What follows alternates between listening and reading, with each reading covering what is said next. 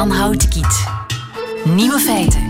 Goeiedag, dit is de podcast van Nieuwe Feiten van vrijdag 21 september. In het nieuws vandaag de onthulling van de identiteit van de beruchte Croydon Cat Killer, also known as de MC25 Cat Killer, naar de snelweg MC25 Croydon, een wijk in het zuiden van Groot-Londen. Scotland Yard heeft drie jaar lang gezocht naar een sadist die 400 huisdieren, waaronder veel katten, op beestachtige wijze vermoordde. De slachtoffers werden veelal zonder kop of staart teruggevonden. Op een bepaald moment werkten er 15 Tien rechercheurs aan de zaak en dierenrechtenorganisaties hadden een beloning uitgeloofd van 10.000 pond voor de gouden tip die naar de dader zou leiden. Gisteren heeft de Londense politie het resultaat van al dat forensisch onderzoek bekendgemaakt. Er zijn geen bewijzen gevonden voor menselijke betrokkenheid, maar DNA-sporen wijzen wel op een andere delinquent, de Vos of beter vossen. Ook op camerabeelden was te zien dat vossen katten of lichaamsdelen van katten versleepten. Case closed, besloot de woordvoerster van de politie en verder onderzoek is niet nodig.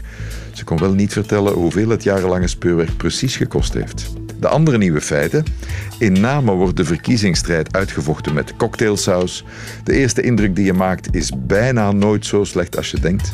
Wespen zijn van groot ecologisch belang en Sander van Horen geeft zijn visie op de zomeruur-winteruur discussie. Veel luisterplezier. Nieuwe feiten. Vorig zaterdag was ik op Le Fête de Wallonie in Namur. Dat is altijd fijn in namen komen. Maar als je daar rondkeek en naar het MR-kantoor keek, dan werd je wat minder vrolijk. Christophe de Borsu, goedemiddag. Dag Jan Otekiet. Presentator van C'est pas tous les jours dimanche op RTL. Wat is er met dat MR-kantoor in Namen aan de hand, Christophe? Ja, inderdaad. Hè, dat is groot nieuws geweest in, in uh, Wallonië. Getacht, dus met tags, uh, over van alles. Uh, nazi's, ook solidariteit met Mauda, het klein kindje dat door een politieman is ja, gedood, ergens in Wallonië een paar weken geleden. En dat is dus inderdaad een beetje volgens de MR alleszins de uiting van het feit dat het een strijd is, de MR tegen alles. Uh, in, in Wallonië. Uh, en inderdaad, de MR zegt, kijk, dat is een beetje nu het resultaat van het feit dat we uh, belichaamd worden als collaborateurs met de NVA, ah, ja, met die partij die een beetje ja, inderdaad voor de Franstaligen nog steeds als de boeman geldt. Want op het MR-kantoor stond ook te lezen NVA Facho, het meervoud Absoluut. van fascisten in het Frans. Nu is het enkel de MR die geviseerd wordt met dat soort tags of met andere substanties of krijgen de andere partijen er ook van?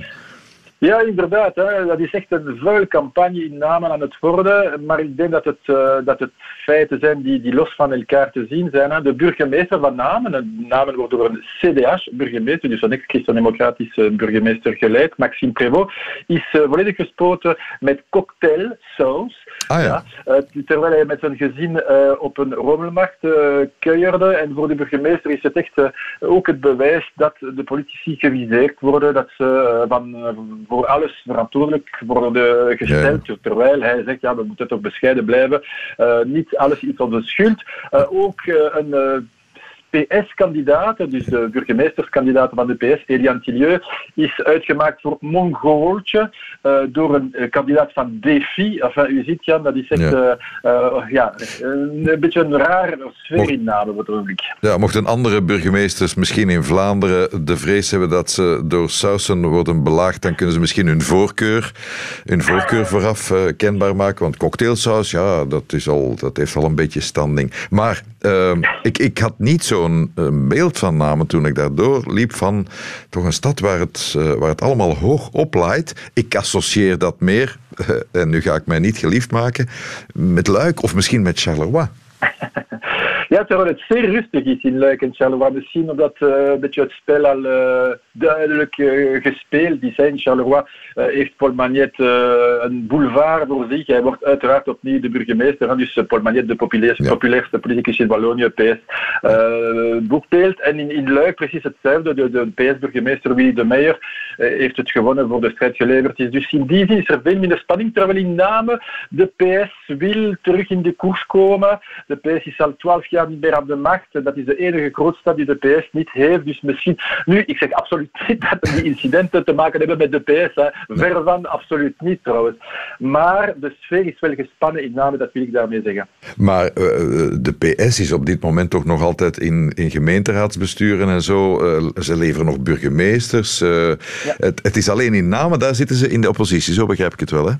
Wat de grootsteden betreft, inderdaad. En ook iets wat Vlamingen niet weten, is dat de MR 106 burgemeesters heeft in, Wallonië, terwijl de, de PS er een negental, negentigtal heeft. Dus namelijk tien, iets meer dan, dan tien meer voor de, voor de mouvement reformateur van Charles Michel. Dus qua aantal burgemeesters is de MR nummer 1. Nu, qua aantal raadsleden heeft de PS nog steeds een duidelijke meerderheid. En dat is nu natuurlijk een, een heel belangrijke stap hè, in, de democratische, uh, ja, in, in, het democratische leven in Wallonië. De vraag is of de MR beter kan doen dan de PS. Ik denk het niet. Ik denk niet dat het geval zal worden, maar de PS hoopt het uh, niet en de MR hoopt het wel uiteraard. Die stemmen die de PS dan kwijtspeelt, waar gaan die naartoe, uh, Christophe?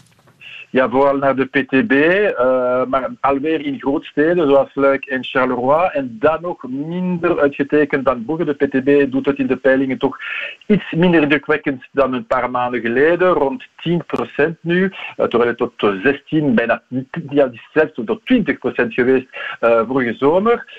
dus ja, toch minder goed presterend wat de PTB betreft. Maar ja, dus in Namen bijvoorbeeld is er geen PTB. Hè. Dus de PTB heeft ook eh, een beperkt aantal uh, lijsten ingediend, een twintigtal in totaal in Wallonië, uh, omdat de PTB alleen maar heel sterke lijsten wil hebben met mensen die heel overtuigd zijn van de, de, het communistische gedachtegoed van de partij, vandaar dat er zo weinig lijsten zijn. Ja. Uh, is de PS nu helemaal afgeschreven? Want die hebben inderdaad wat schandalen te verteren gehad. Is die helemaal af te schrijven voor 14 oktober? Of gaan die toch nog wel uh, meespelen? Veel mensen gingen ervan uit na het uh, Publicin-schandaal, na het SAMU Sociaal-schandaal, dat het moeilijk zou worden voor de PS om opnieuw uh, met de grote mee te spelen. En wat, wat zien we? Uh, wel, we zien toch het tegenovergestelde. De PS is opnieuw nummer één in de jongste peilingen, terwijl het maanden niet meer het geval is geweest. En is echt aan een, aan een ja, inhaalbeweging bezig. de PS, ondanks het feit dat het iets minder, uh, dat ze iets minder uh, burgemeesters heeft uh, dan de MR, blijft toch een sterk verankerd partij op, op lokaal vlak. En dus, ja, de moed is goed. Ook het feit dat de MR toch voor velen alweer als de grote bondgenoot van de NVA wordt gezien. En de PS speelt daar enorm op in. Uh, dat de NVA nog steeds niet zo populair is in Wallonië. Uh, is een troef voor de PS natuurlijk. Wat doen die tags en de, de nervositeit, zal ik maar zeggen, in name, wat doen die met uh, een amoureux die Christophe de Borsu beweert te zijn? Nee, nee, ik ben dat. Uh, ik ben dat. Uh, ik heb ook een boek over namen geschreven rond het toerisme in de stad. Dus nee, nee ik ben echt. En ik wil ook zeggen aan de Vlamingen, kom naar namen. Er is absoluut geen gevaar voor jullie.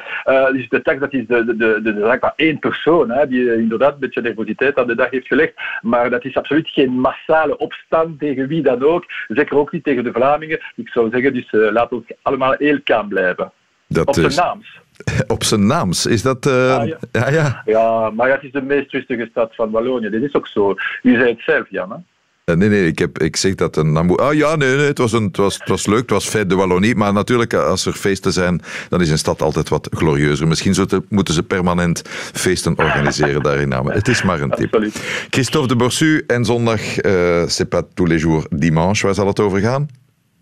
Uh, onder andere over namen trouwens. Het is een groot debat met alle kandidaten. Dus inderdaad, ja, het gaat voort. Dus u, u, u bent de voorloper, Jan. Je hebt nu al eens kunnen repeteren. Dankjewel, Christophe de Borsu. Dank je, Jan. Tot kijk. Nieuwe feiten. De ontdekking van België. En dat is sinds vorig jaar een soort levenswerk geworden van Sander van Horen. Goedemiddag, Sander. Goedemiddag. Wij plukken jou ja, eigenlijk bijna van het vliegtuig. Waar kwam je vandaan? Uit Oostenrijk, uit Salzburg. Want daar is het voor het eerst in een jaar, Jan, dat ik jullie eerste minister heb mogen interviewen. Ah, kijk eens aan. En uh, een eerste minister, dat kom je dan opnieuw tegen. En het was inderdaad in Salzburg, alle grote waren daar uh, bij elkaar deze week. Uh, dat heeft jou ook de kans gegeven om eens te vergelijken hoe politiek debat gaat bij jou. Want in Nederland was het afgelopen dinsdag ook Prinsjesdag, hè? Was Prinsjesdag en uh, dat wordt altijd gevolgd. Dat is dus de officiële presentatie van de kabinetsplannen en de begroting. Daar maken wij een mooi ceremonieel van met de Gouden Koets. Nou ja, ik denk dat iedereen in Vlaanderen dat wel eens uh, gezien heeft. En dan de dag daarna dan heb je het debat daarover en over de begroting die ja. bij de kabinetsplannen hoort. En ja, daar moet een uh, premier natuurlijk bij zijn. En dus liet hij zich op de eerste dag van de top in Salzburg, uh, tijdens het diner, liet hij zich vertegenwoordigen door uh, Charles Michel. En ik vond het wel leuk, want Rutte heb ik natuurlijk, onze eigen premier, inmiddels wel vaker gesproken. En die is heel joviaal. Uh, ze kunnen het goed met elkaar vinden. Dus ik was eigenlijk wel benieuwd hoe Charles Michel dat zou aanpakken, zo'n zo'n gesprek met de pers. Ja. ja, en dat, dat vond ik wel leuk. Het was in de tuin van een hotel. Het was mooi weer in tegenstelling tot nu. En uh, ik sloot aan. Eerst de VRT, dan de VTM en toen was de NOS aan de beurt. Ja. En uh, dus jij vindt dat hij het daar in Salzburg als, als ja, premier van de lage landen eigenlijk wel goed gedaan heeft? Ja, alleen wat ik ervan uh, van vond, dat vond ik eigenlijk niet zo belangrijk. Nee, dus ik, ik, vroeg het ook toch maar aan uh, Mark Rutte nog, wat hij ervan vond dat uh, Charles Michel hem heeft vervangen. Ik ben benieuwd wat hij erover te zeggen had. Hebben we een Waal gehad die een dag op de lage landen heeft mogen passen. Charles Michel, heeft hij het goed gedaan? Uitstekend, uitstekend. Hij is een ja, hele goede vriend en gewaardeerde collega. we hadden goed met elkaar afgestemd met de teams wat onze opvattingen waren. Die zijn overigens heel vaak hetzelfde, ja. niet altijd. En hij heeft het echt heel mooi gedaan. Alleen met de zomertijd loopt hij wat voor de troep uit. Nee, helemaal niet. Waarom? Omdat hij uh, het liefst eigenlijk gewoon een, Euro een Benelux-raadpleging en dan één standpunt en dat gaan we met z'n drie uitvoeren. Nee, volgens mij had hij naar, naar buiten gebracht. Wat ik begreep, dat ze de Belgen echt een wat meer fundamentele raadpleging willen.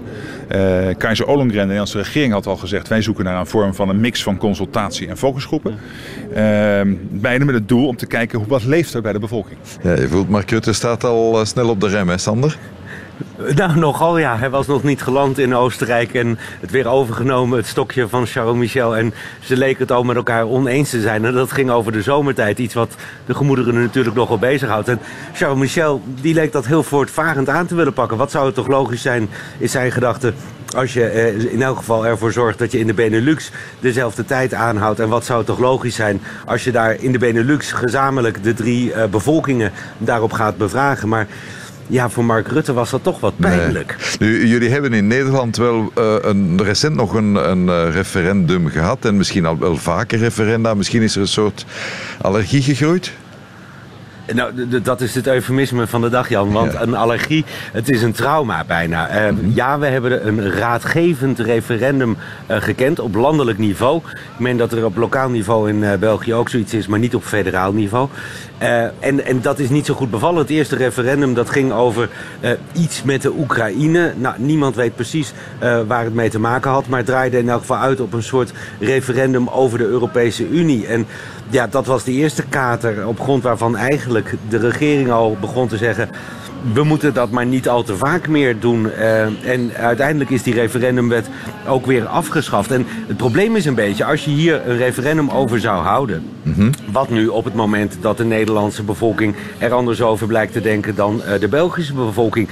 wat moet je dan? En als dan een overgrote meerderheid van de bevolking iets zegt... en jij vindt als regering na wat Mark Rutte zegt, een gesprek met focusgroepen en belanghebbenden, dat er eigenlijk een ander besluit moet komen. Kun je dan het besluit van het referendum wel naast je neerleggen? Ja, dat is het dilemma wat hij wil voorkomen, ja. Ja, en nu is uh, Charles Michel van de Weeromstuit ook wat aan het terugschakelen van dat grote referendumplan, hè?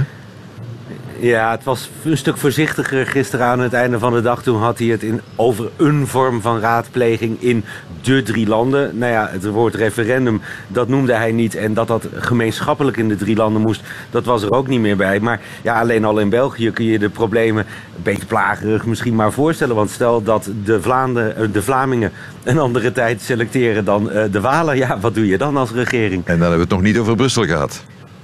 Nou, daar hebben we wel over nagedacht als groepje Nederlandse journalisten met enig leedvermaak. Uh, er zijn twee opties waar je uit kunt kiezen, Jan. Je kunt ervoor kiezen om in Brussel de tijd met een half uur te verzetten, zodat je er binnenin bent. Je kunt het ook heel Brussels oplossen en uh, gewoon iedereen in Brussel zijn eigen tijd laten bepalen. Sander van Horen, prettige dag nog en ja, tot volgende week mag ik niet zeggen, want dan is het weer Lieven van den Houten. Tot kijk, hè. Dag. Nieuwe feiten. De eerste indruk is nooit zo slecht als je denkt. Griet van Varenberg, goedemiddag. Goedemiddag, Jan. Dat is goed, dat noem ik nog eens goed nieuws. Dat is inderdaad goed nieuws. Je uh, bent psycholoog aan de Thomas More Hogeschool in Antwerpen en je be begeleidt voornamelijk bachelorproeven, uh, bachelorproeven die een, een, positievere attitude tegenover holibus kunnen uh, bewerkstelligen. Dat klopt, ja. Wat een lelijk woord, bewerkstelligen. maar die conclusie hoor ik wel graag. De eerste indruk is nooit zo slecht als je denkt. Nee, dat klopt. Er is onlangs een, een studie in sociale psychologie verschenen waaruit het fenomeen de liking gap komt. En de liking gap is een inschattingsfout. Wat wil zeggen dat wij eigenlijk een betere indruk opdoen bij andere mensen, dat we leuker bevonden worden dan dat we zelf denken. Wij denken van, we hebben onze kans gemist, want een eerste indruk, je krijgt nooit een tweede kans om een eerste indruk te maken. Wij denken altijd dat het minder goed is. Hoe komt dat? Daar kunnen verschillende redenen voor zijn dat we dat denken. Um, ten eerste is het zo dat een, een, een gesprek is heel cognitief veel eisend. Wanneer dat je voor de eerste keer iemand nieuw ontmoet, ben je heel sterk met jezelf bezig. Dat is wat wij nu aan het doen zijn, hè? Dat is wat wij nu aan het doen zijn, ja. En doordat zo'n gesprek zoveel eisend is, vang je minder goed de signalen op ja. dat de andere jou eigenlijk wel leuk vindt. Dus die, die maakt oogcontact, die kan jou eens aanraken. Maar dat registreer je minder goed, omdat je zo sterk bezig bent met hoe kom ik zelf over. Ja. Dat is een, een mogelijke verklaring. Er zijn er nog andere. En een van die andere verklaringen is dat wij veel sterker gericht zijn op het negatieve dan op het positieve. Ja. En dat is zo met betrekking tot onze eigen indruk ook. We proberen een ideaal zelf te verwezenlijken. Mm. En daar kunnen we meestal in zo'n eerste ontmoeting niet aan voldoen, waardoor dat we er negatiever uitkomen. Maar wat moet de ander dan doen om dat zelfvertrouwen te helpen? Moet hij dan uh, is vriendelijk glimlachen en een oogje knipperen? Wat, moet je doen als ja, signaal? De andere geeft die signalen sowieso. Ja. Het probleem is dat wij ze niet zo sterk registreren als dat ze gegeven worden. Dus ik denk dat je die liking gap vooral kan verminderen door zelf minder bezig te zijn met jezelf en meer bewust te zijn van die positieve signalen van de ander. Nu, wacht even. Een interview, als ik bezig ben met mezelf, dan wordt dit geen goed gesprek. En eh, tot nu toe gaat dat behoorlijk goed. Dus dit gaat toch meer op voor de informele gesprekken, neem ik aan? Ja, en vooral voor, voor echte... Koetjes, kalfjes. Ja, ja, ja, dat is ook wat dat hier onderzocht werd. Hè. Ja. Uh, zijn er nu manieren voor ons Hey, ik heb een eerste gesprek met jou. Neem nu aan dat dat niet over onderzoek gaat, dat we het over koetjes en kalfjes hebben. Uh, zijn er voor mij technieken om in te schatten van, oh, die vindt mij wel een toffe of niet? Ja, wanneer dat je een indruk van iemand opdoet, zijn er gemiddeld drie kanalen waar dat jij heel sterk je op kan baseren. En dat is mijn lichaamstaal. Dus de mate waarin ik oogcontact maak, waarin ik een zekere warmte uitstraal. Ook het gedrag dat ik stel. Ik kan dichter bij jou komen zitten of ik kan meer afstand gaan innemen. En het belangrijkste aspect om een eerste indruk van iemand op te doen, blijft spijtig genoeg wel nog altijd ook het uiterlijk. Dat is het eerste dat we zien en daar hechten we heel veel belang aan. Ik zou nu straks uh, de police met Don't Stand So Close To Me kunnen draaien. dat, is nog dat is gepast. Idee. Dat is nog ja. een goed idee. Um, de volgende keer dat we tegenover iemand uh, nieuw zitten, dan kunnen we er dus ervan uitgaan dat die persoon, want hetzelfde wat jij nu vertelt, geldt voor jou. Hè? Ja, ja, dat is jij wederzijds. waarschijnlijk ook in van, oeh, ik ben het niet zo goed aan het doen. Ja, dat is wederzijds. Uh, wat, wat, uh, dat, is, dat, is een, dat is een geruststelling. We zitten allemaal in datzelfde schuitje, nee toch? Gemiddeld, deze studie toont aan dat dat een algemeen gemiddelde is. En ik denk dat dat ergens ook klopt, omdat er zoiets bestaat als de angst voor sociale afwijzing. Mm -hmm. wij, hebben, wij zijn heel sterk sociale wezens, wij willen echt graag gezien worden. Ja. En de kans is groot dat je afgewezen wordt. En dat maakt dat we dus uit zelfbescherming een stukje kritischer zullen zijn. Ja. Uh, steken we daar nu veel van op van dat onderzoek? Ja, vooral dat het, uh, dat het, dat het beter is dan we zelf denken. Maar er zit, er, zit, er zit voor de rest geen houvast van hoe we ons dan moeten gedragen. Nee, wat je eruit kan meenemen is dat je je meer bewust kan zijn van signalen die uitgezonden worden en dat het meestal niet zo negatief hoeft te zijn als dat het misschien in werkelijkheid is. Langs de andere kant zijn er mensen die ook effectief een negatieve indruk van jou kunnen opdoen natuurlijk. Hè? Dat blij, is de nuance. Dan ben ik toch blij dat ik die drie weken interim job bij Nieuwe Feiten heb gehad, dat ik tenminste met die wetenschap naar huis kan. Geet van Varenberg van de Thomas More Hogeschool in Antwerpen. Dank je wel. Hè. Graag gedaan. Radio 1. Nieuwe feiten.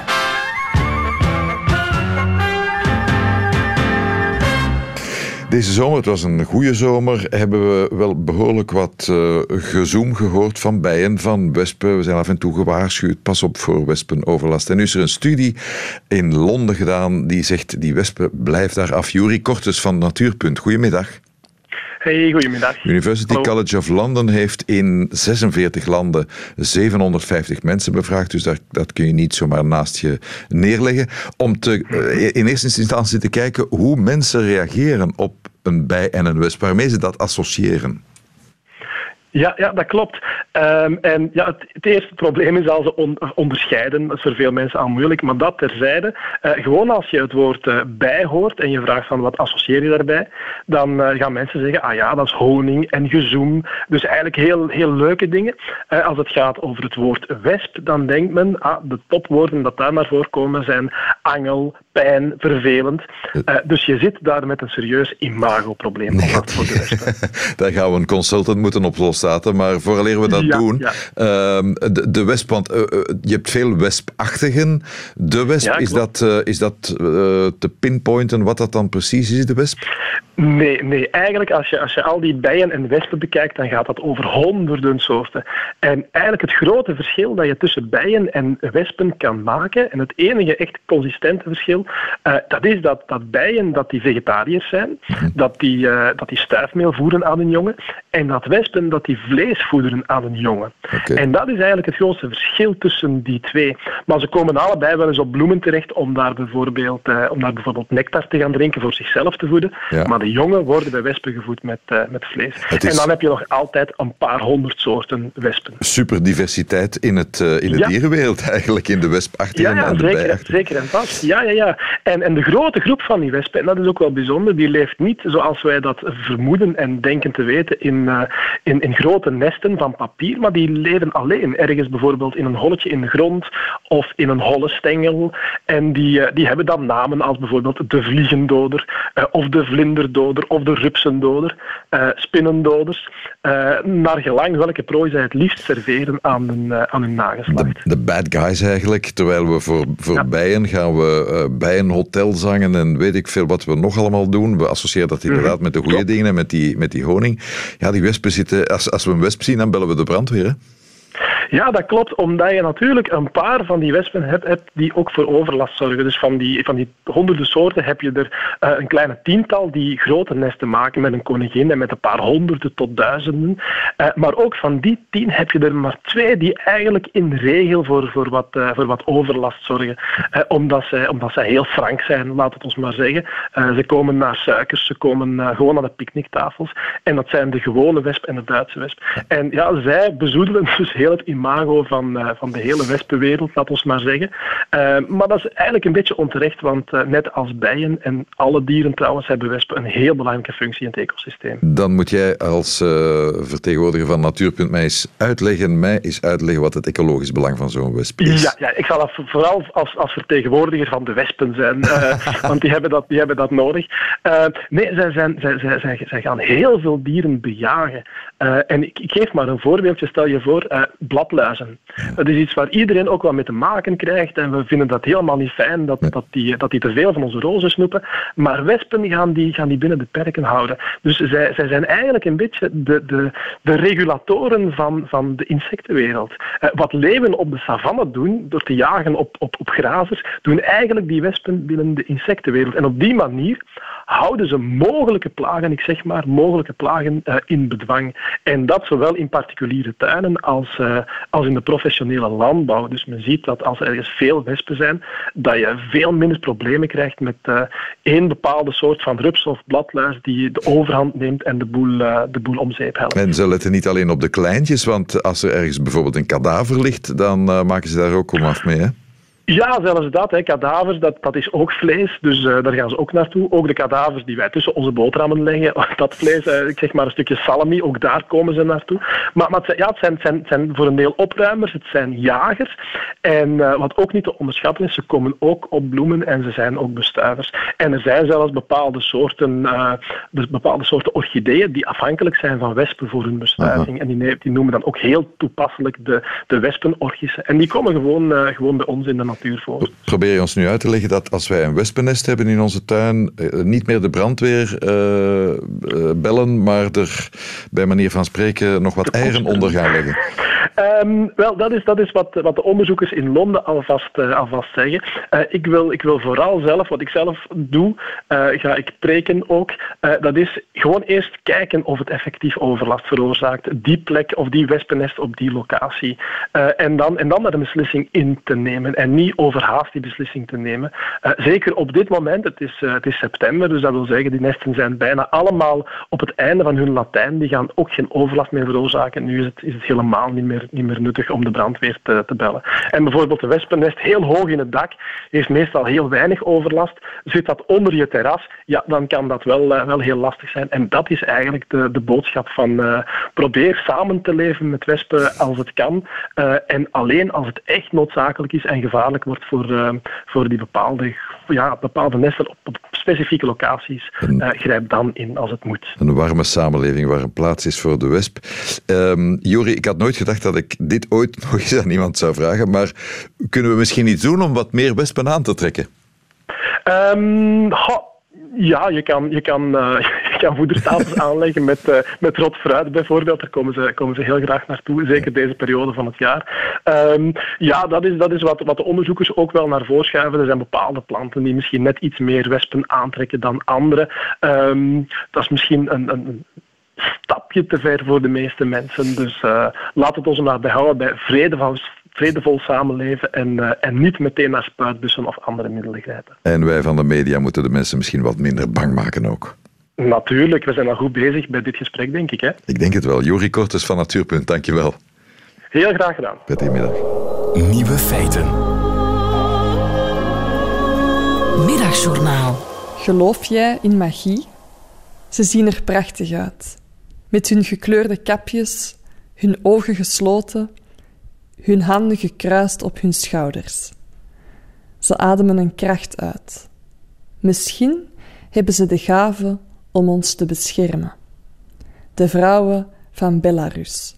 Als je een hardnekkig probleem hebt, fluisteren zij voor je. Als een gebed, als een toverspreuk. Deze vrouwen wonen in dorpjes die binnen tien jaar niet meer zullen bestaan. Alle jonge mensen trekken naar de stad. De genezende krachten zullen stilaan verdwijnen. Ik mailde Sergej, een fotograaf die al tien jaar deze vrouwen volgt, en zei dat ik ze wilde ontmoeten voordat het te laat was.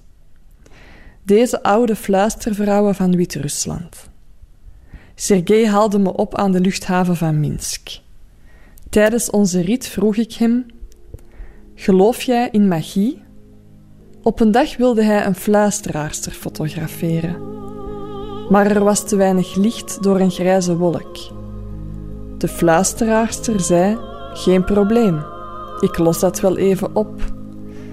Ze begon mantras te fluisteren, in één adem, nooit meer dan één adem. Sergej kreeg hoofdpijn, een onuitstaanbare druk. Maar de grijze wolk verdween, de lucht klaarde op, het licht was perfect. Dus jij gelooft in magie? Hij zei: I don't know. Maybe it was just a breeze.